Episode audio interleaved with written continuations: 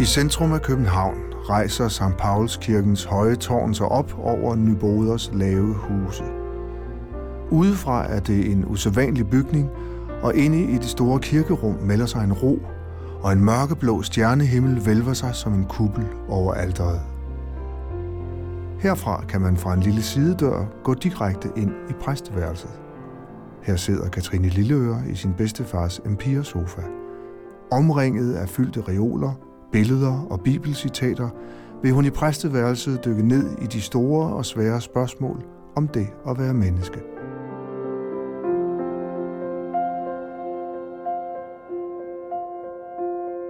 Hvad mener Gud om at stjæle?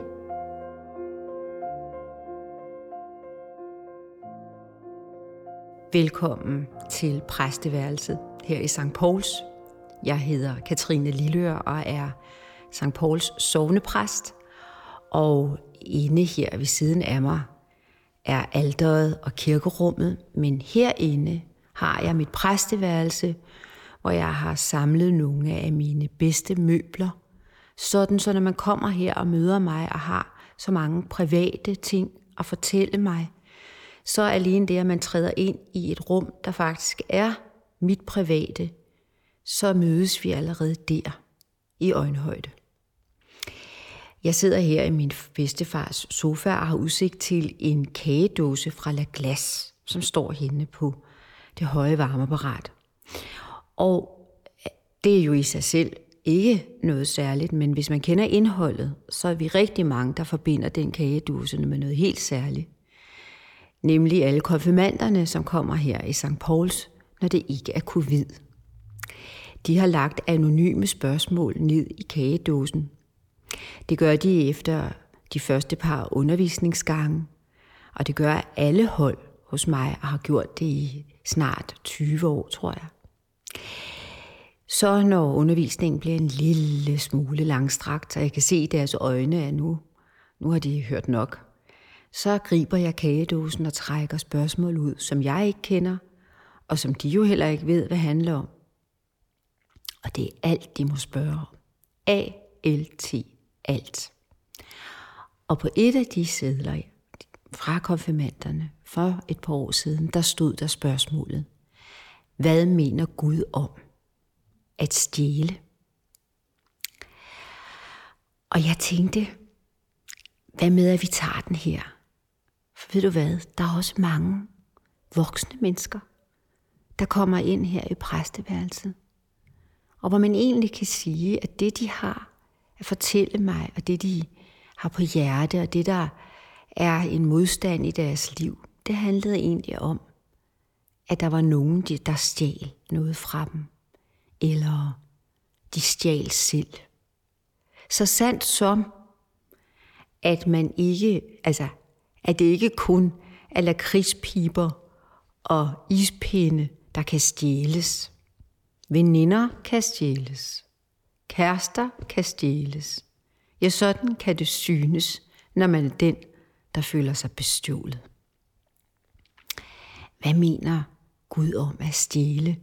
Og nu har du allerede tænkt det, som jeg ved, at langt de fleste, især voksne mennesker, tænker. Det er, mm, det må man da ikke, fordi er der ikke et bud? Er det ikke noget med de ti bud, hvor der står, jo, rigtig svaret. I de ti bud, syvende bud, står der, du må ikke stjæle. Men de fleste voksne mennesker, de glemmer os, at de ti bud, det er jo ikke bud, Kristus har givet. Nej, hvordan var det nu med de ti bud?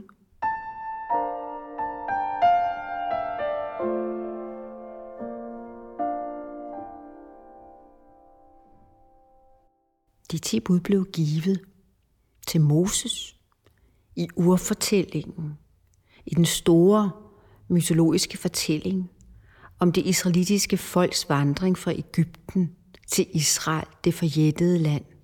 Og der gik de gennem ørkenen.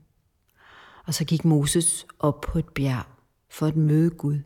For i det bibelske univers, der møder man Gud i det gamle testamente, højt op mod himlen, herre. Og der mødte han så Gud oppe, og Gud gav ham to stentavler, hvorpå de ti bud står. Og det er så pakten, det vil sige, hvis det jødiske folk overholdt de ti bud, så var de sikre på, at Gud ville passe på dem og var tilfreds med dem. Det var deres del af aftalen, så sandt som at pagt eller testamente betyder aftale. Der gik jo ikke to sekunder i det bibelske, før at de ti bud blev udvidet til, må jeg nok have lov at sige, et hav af bud. Altså mange, mange, mange flere bud. For ved du hvad? Vi mennesker, vi elsker bud. Vi elsker love. Jeg ved ikke, jeg ved ikke hvad det er med os, men altså, det er noget med, hvis der er regler, så er det, uh, så er det så trygt, så kan man, så ved man selv, hvad man skal, og så ved man, hvad man ikke skal, og så kan man også blive vred på dem, der har brudt reglerne. Og sådan groede de ti bud til i regler. Og der var præster, der eksercerede dem. Og på et tidspunkt, så var Gud helt forsvundet ud af alle reglerne. Man kunne ikke huske, hvem han var og hvor han var mere. Der stod stedet for en præst, en fariser, en skriftklog, og sagde højt og tydeligt, for han var den eneste, der kunne huske alle reglerne, hvad alle måtte og ikke måtte. Det var et regeltyranni. Da sendte Gud, og det er fortællingen i det bibelske, og i kirken, under det store vælv, når vi holder gudstjeneste, da sendte Gud Kristus, frelseren, for dybest set at frelse os fra hinanden og alle de regler, vi kan finde på at lave for hinanden og dømme hinanden ude med. Og mens du tænker, ah, men jeg har da hørt, at de ti bud, det har da også noget med kristendom at gøre. Ja, altså på den måde forstået, at vi har taget de ti bud med os, men ikke på den måde, som langt de fleste mennesker forestiller sig. For det hedder jo altså ikke mosendom, vel? Det hedder kristendom. Så hvad sagde Kristus om de ti bud? Ja, han sagde i hvert fald ikke, at Gud ville blive rasende og lukke os ude, både af evigheden og af sin kærlighed, og hævne sig på os her og nu, hvis vi ikke holder de ti bud. Det sagde han ikke. Så, hvad siger han så, hvis du og jeg stjæler? Hvis vi overtræder det syvende bud?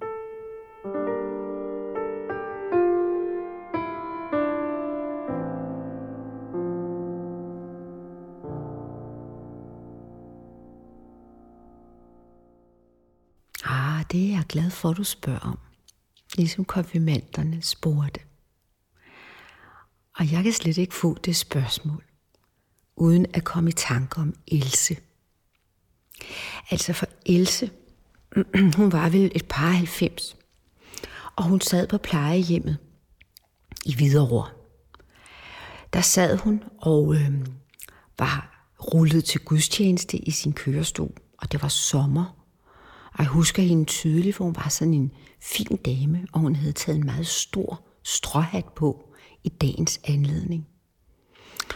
Og så stod jeg som ung præst, og så skulle jeg læse et øh, bibelstykke op, et evangeliestykke fra Lukas evangeliet.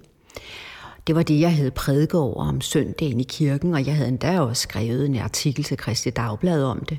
Så det var sådan set meget klart for mig, hvad jeg skulle have sagt. Men Else, hun rystede mig den dag. Det gjorde hun altså. Fordi sagen var, at øh, evangeliestykket, som jeg skulle prædike over, var ikke noget uvæsentligt, og ikke en uvæsentlig fortælling. Det er en lille lignelse, som handler om at stjæle. Og det er en lignelse, Kristus fortæller i Lukas evangeliet. Og det er ikke sådan en af de små. Den står lige efter fortællingen om den fortabte søn. Så vi er inde i sådan kerneforkyndelsen. Og der er det så, at Kristus fortæller, at der engang var en rig mand, som havde en forvalter. Og så fandt den rige mand ud af, at hans forvalter snød ham. Og så kaldte han forvalteren til sig og sagde, ved du hvad, du, øh, du snyder mig. Jeg kan ikke øh, stole på dig. Du forvalter ikke mit gods godt nok, så jeg vil fyre dig. Så gik forvalteren nedbøjet ud, for øh, nu han mistet sit job. Og han sagde ved sig selv, hvad skal jeg da stille op? Jeg dur ikke til at tikke, jeg dur ikke til at arbejde, jeg dur ikke til noget som helst. Men så sagde han, nu ved jeg, hvad jeg gør. Og så gik han ind på sit forvalterkontor, og så kaldte han sin herres skyldnere til sig. Han havde deres gældsbeviser, og sådan kom de ind til ham en for en. Og der stod en mand over for ham. Så rullede han hans gældsbrev ud, og der stod, at manden skyldte hans herre 100 anker olie. Hvor meget er det, du skylder min herre? spurgte han manden. 100 anker olie, sagde den lille bonde. Nu skal du se, vi sætter et streg over de 100, og så skriver jeg i stedet for 50 her, sagde forvalteren. Og så kom det næste ind, og der var endnu et gældsbevis. Og forvalteren så ned og sagde, hvor meget skylder du min herre? Og den lille bonde sagde, jeg skylder ham 100 anker. Hvide. Vi streger 100 over og skriver 80, sagde forvalteren. Og sådan blev han ved. Han nedskrev gælden den ene efter den andens gæld. Og på den måde, så snød han jo sin herre for rigtig meget. 50 ankre olie, 20 tønder hvede og så videre. Og så står der herefter, lige herefter står der så i Lukas evangeliet, at Kristus siger, og Herren, altså Gud, og Herren roste den utro Guds forvalter, Fordi han havde brugt pengene, han havde brugt den utro mammon, som der står penge, til at skaffe sig venner. Og det var, da jeg læste, altså, da jeg læste der på plejehjemmet, som helt ung præst, læste, at forvalteren snød godsejeren ved at nedskrive gældsbrevene, og lige derefter læste op, at Herren, siger Kristus, roste den utro godsforvalter. At Else inde under den der sommerhat råbte spontant ud i rummet, nej. Jeg kan stadigvæk høre hendes nej. Og jeg mistede det altid lige der. Ja, selvfølgelig så jeg op ud over de forsamlede ældre, og altså også Else, og sagde, jamen Else, det er det, der står. Men kan du forestille dig, min prædiken, den, den smuldrede ligesom, fordi jeg stod der og var 27 år og tænkte, mm, hvordan er jeg, hvem er jeg, at jeg skal overbevise Else, der har levet i 90 år, om at Gud mener noget andet end Else. Og nu skal jeg jo se, om jeg kan overbevise dig, hvis du er kommet til at tænke det samme som Else. Nej, Siger du, det kan da ikke være rigtigt. Hvad er det for en fortælling? Den har jeg aldrig hørt om før. Nej, det har du måske ikke. Men den bærer sådan set hele evangeliet, alt hvad Kristus forkyndte i sig, som de største af hans lignelser, hver for sig altid fortæller det hele, nemlig, nemlig, hvordan Gud ser os og afslører derved, når vi hører det, hvordan vi dybest set ser hinanden og Gud. For hvis du nu ligesom Else tænker, ej, det kan ikke være rigtigt, så viser det jo noget om, hvad du forestiller dig Gud er, og det viser også noget om, hvad du tænker om andre. At du nemlig tænker, at når du hører om folk, der stjæler, at det er ikke godt. Og for resten så siger Gud i himlen jo også, at det ikke er godt. Men det siger han jo faktisk ikke. Det er jo det, Kristus kommer for at fortælle os, da vi går fuldstændig, så at sige, altså forviklet os for langt ind i love og regler og måde at dømme hinanden på, nu med Gud på vores side, som det jo var sket på hans tid. At det er det, at Kristus kommer for at åbenbare, som man siger, at fortælle, hvad Gud i virkeligheden mener. Og det gør han jo med disse lignelser. Og det er jo en fantastisk, synes jeg, lignelse. Jo ældre jo bliver, jeg bliver, jo glædere bliver jeg simpelthen for den. Hvorfor? Ja, fordi, ja, fordi den for det første, så at sige, tvinger dig og mig, der hører den til at, så at sige, blive rusket fri, til at ruske os fri i vores sind af vores egne forestillinger om ret og vrang, om godt og ondt. Og så hører vi, så skal vi tvinges til at høre en anden logik. Og hvad er det for en logik? Jamen det er Guds logik. Og hvad er det for en logik? Jamen det er en logik, der handler om, at denne godsforvalter altså gør noget, som er rigtigt i Guds øjne, også selvom han tydeligvis stjæler. Så hvad er det, han gør, der er rigtigt? Og ved du, det kan man tænke et helt liv over.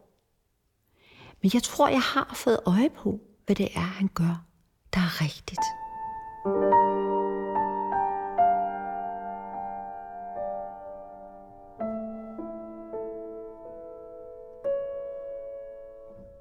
For det kan godt være, at han bestjæler godsejeren. Men hvad er det for en gæld? Altså, hvad er det for en gæld, han sætter godsejerens skyldnere i til sig. Altså, den mand, der skyldte 100 anker olie, han skylder nu kun godsejeren 50. Og nu spørger jeg så bare, hvad skylder han så? Forvalteren? For et eller andet må han jo skylde ham. Ligesom ham med de 100 tønder hvide, som nu kun skylder godsejeren 80. Hvor meget skylder han så forvalteren? Han skylder ham vel ikke 20 tønder hvede. Nej, det gør han jo ikke, nej. Eller ham med olien. Han skylder vel ikke forvalteren 50 tønder olie, eller anker olie. Nej, det gør han da ikke. Men hvad skylder han så? Ja, det er jo det. Han skylder ham. Han er i taknemmelighedsgæld. Det er både ham med viden og olien. De er i taknemmelighedsgæld til vores utro forvalter. Og det er det, vi skal lære af denne lignelse. Vi skal både lære om Gud, at han ikke fordømmer, som vi fordømmer, når man stjæler. Og vi skal lære, at der er intet skønnere for ham. Der er vidderligt noget, du og jeg kan gøre, som, kan, som gør, at vi bliver rost af ham. Og det er faktisk ikke at overholde de her bud, først og fremmest. Altså overhovedet ikke faktisk. Nej, det er at sætte hinanden i gæld. Helst i bundløs gæld. Taknemmelighedsgæld nemlig. Den der særlige gæld, der er mellem mennesker, som nemlig præcis ikke kan opmåles i penge eller i ting som, øh, ja, som øh, er udefinerbar, men som ikke desto mindre er der. som gør, at vi må øh, betale tilbage, som vi nu har generøsitet til, eller samvittighed til, eller kærlighed til.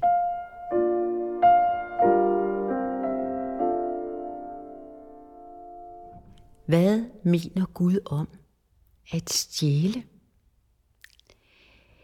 Jamen, han mener i hvert fald ikke det samme, som domstolene gør. Og det er jo glimrende, at domstolene mener, som de gør, synes jeg nok.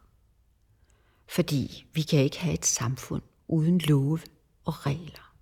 Og sådan bor de ti bud og en hel masse andre bud i et hvert ordentligt civil samfundsindretning og love, og godt for det. Og derfor er der nogen, der kommer i fængsel, når de har stjålet. Og det er også glimrende, synes jeg personligt. Men hvis vi spørger Gud, så får vi jo tydeligvis ikke et svar, der sætter to streger under de domme, vi logisk og rimeligt, synes vi selv, kan have i os. Fordi Gud altid suverænt taler ind til det sted i dig og mig, hvor vi mødes i hjertet, i, øh, i, sådan, i sindet med andre mennesker. Og så er det ligegyldigt, om det menneske sidder i fængsel, og fordi det har stjålet rigtig meget, eller det altid har gået på dydens smalle sti og aldrig har stjålet noget som helst. Det er slet ikke det, Gud interesserer sig for i mødet med dig og mig. Det han interesserer sig for, hvad er det det? Det er, at vi aldrig nogensinde tager ham til indsigt for vores domme, for vores bedømmelser af hinanden. Men at vi tværtimod lader ja, kærlighedens blik, er det for meget sagt? Lader det råde. Så lad os da næste gang vi føler os bestjålet, øve os på, at vi midt i vores frustration også tænker, at den anden må have haft sine grunde. Og hvis vi er rigtig oprigtige, sådan rigtig modige, så tør vi måske også for os selv indrømme, at der måske også var tidspunkter, hvor vi selv kom til at stjæle. Så, ved enten du var den, der stjal, eller den, der følte sig bestjålet, så går vi alle i Guds velsignelse hver eneste dag. Og den velsignelse er de ældste ord i det store, i den store Bibel. Og den, de lyder sådan. Herren velsigne dig og bevare dig. Herren lade sit ansigt lyse over dig og være dig nådig. Herren løfte sit ansigt mod dig og give dig fred. thank you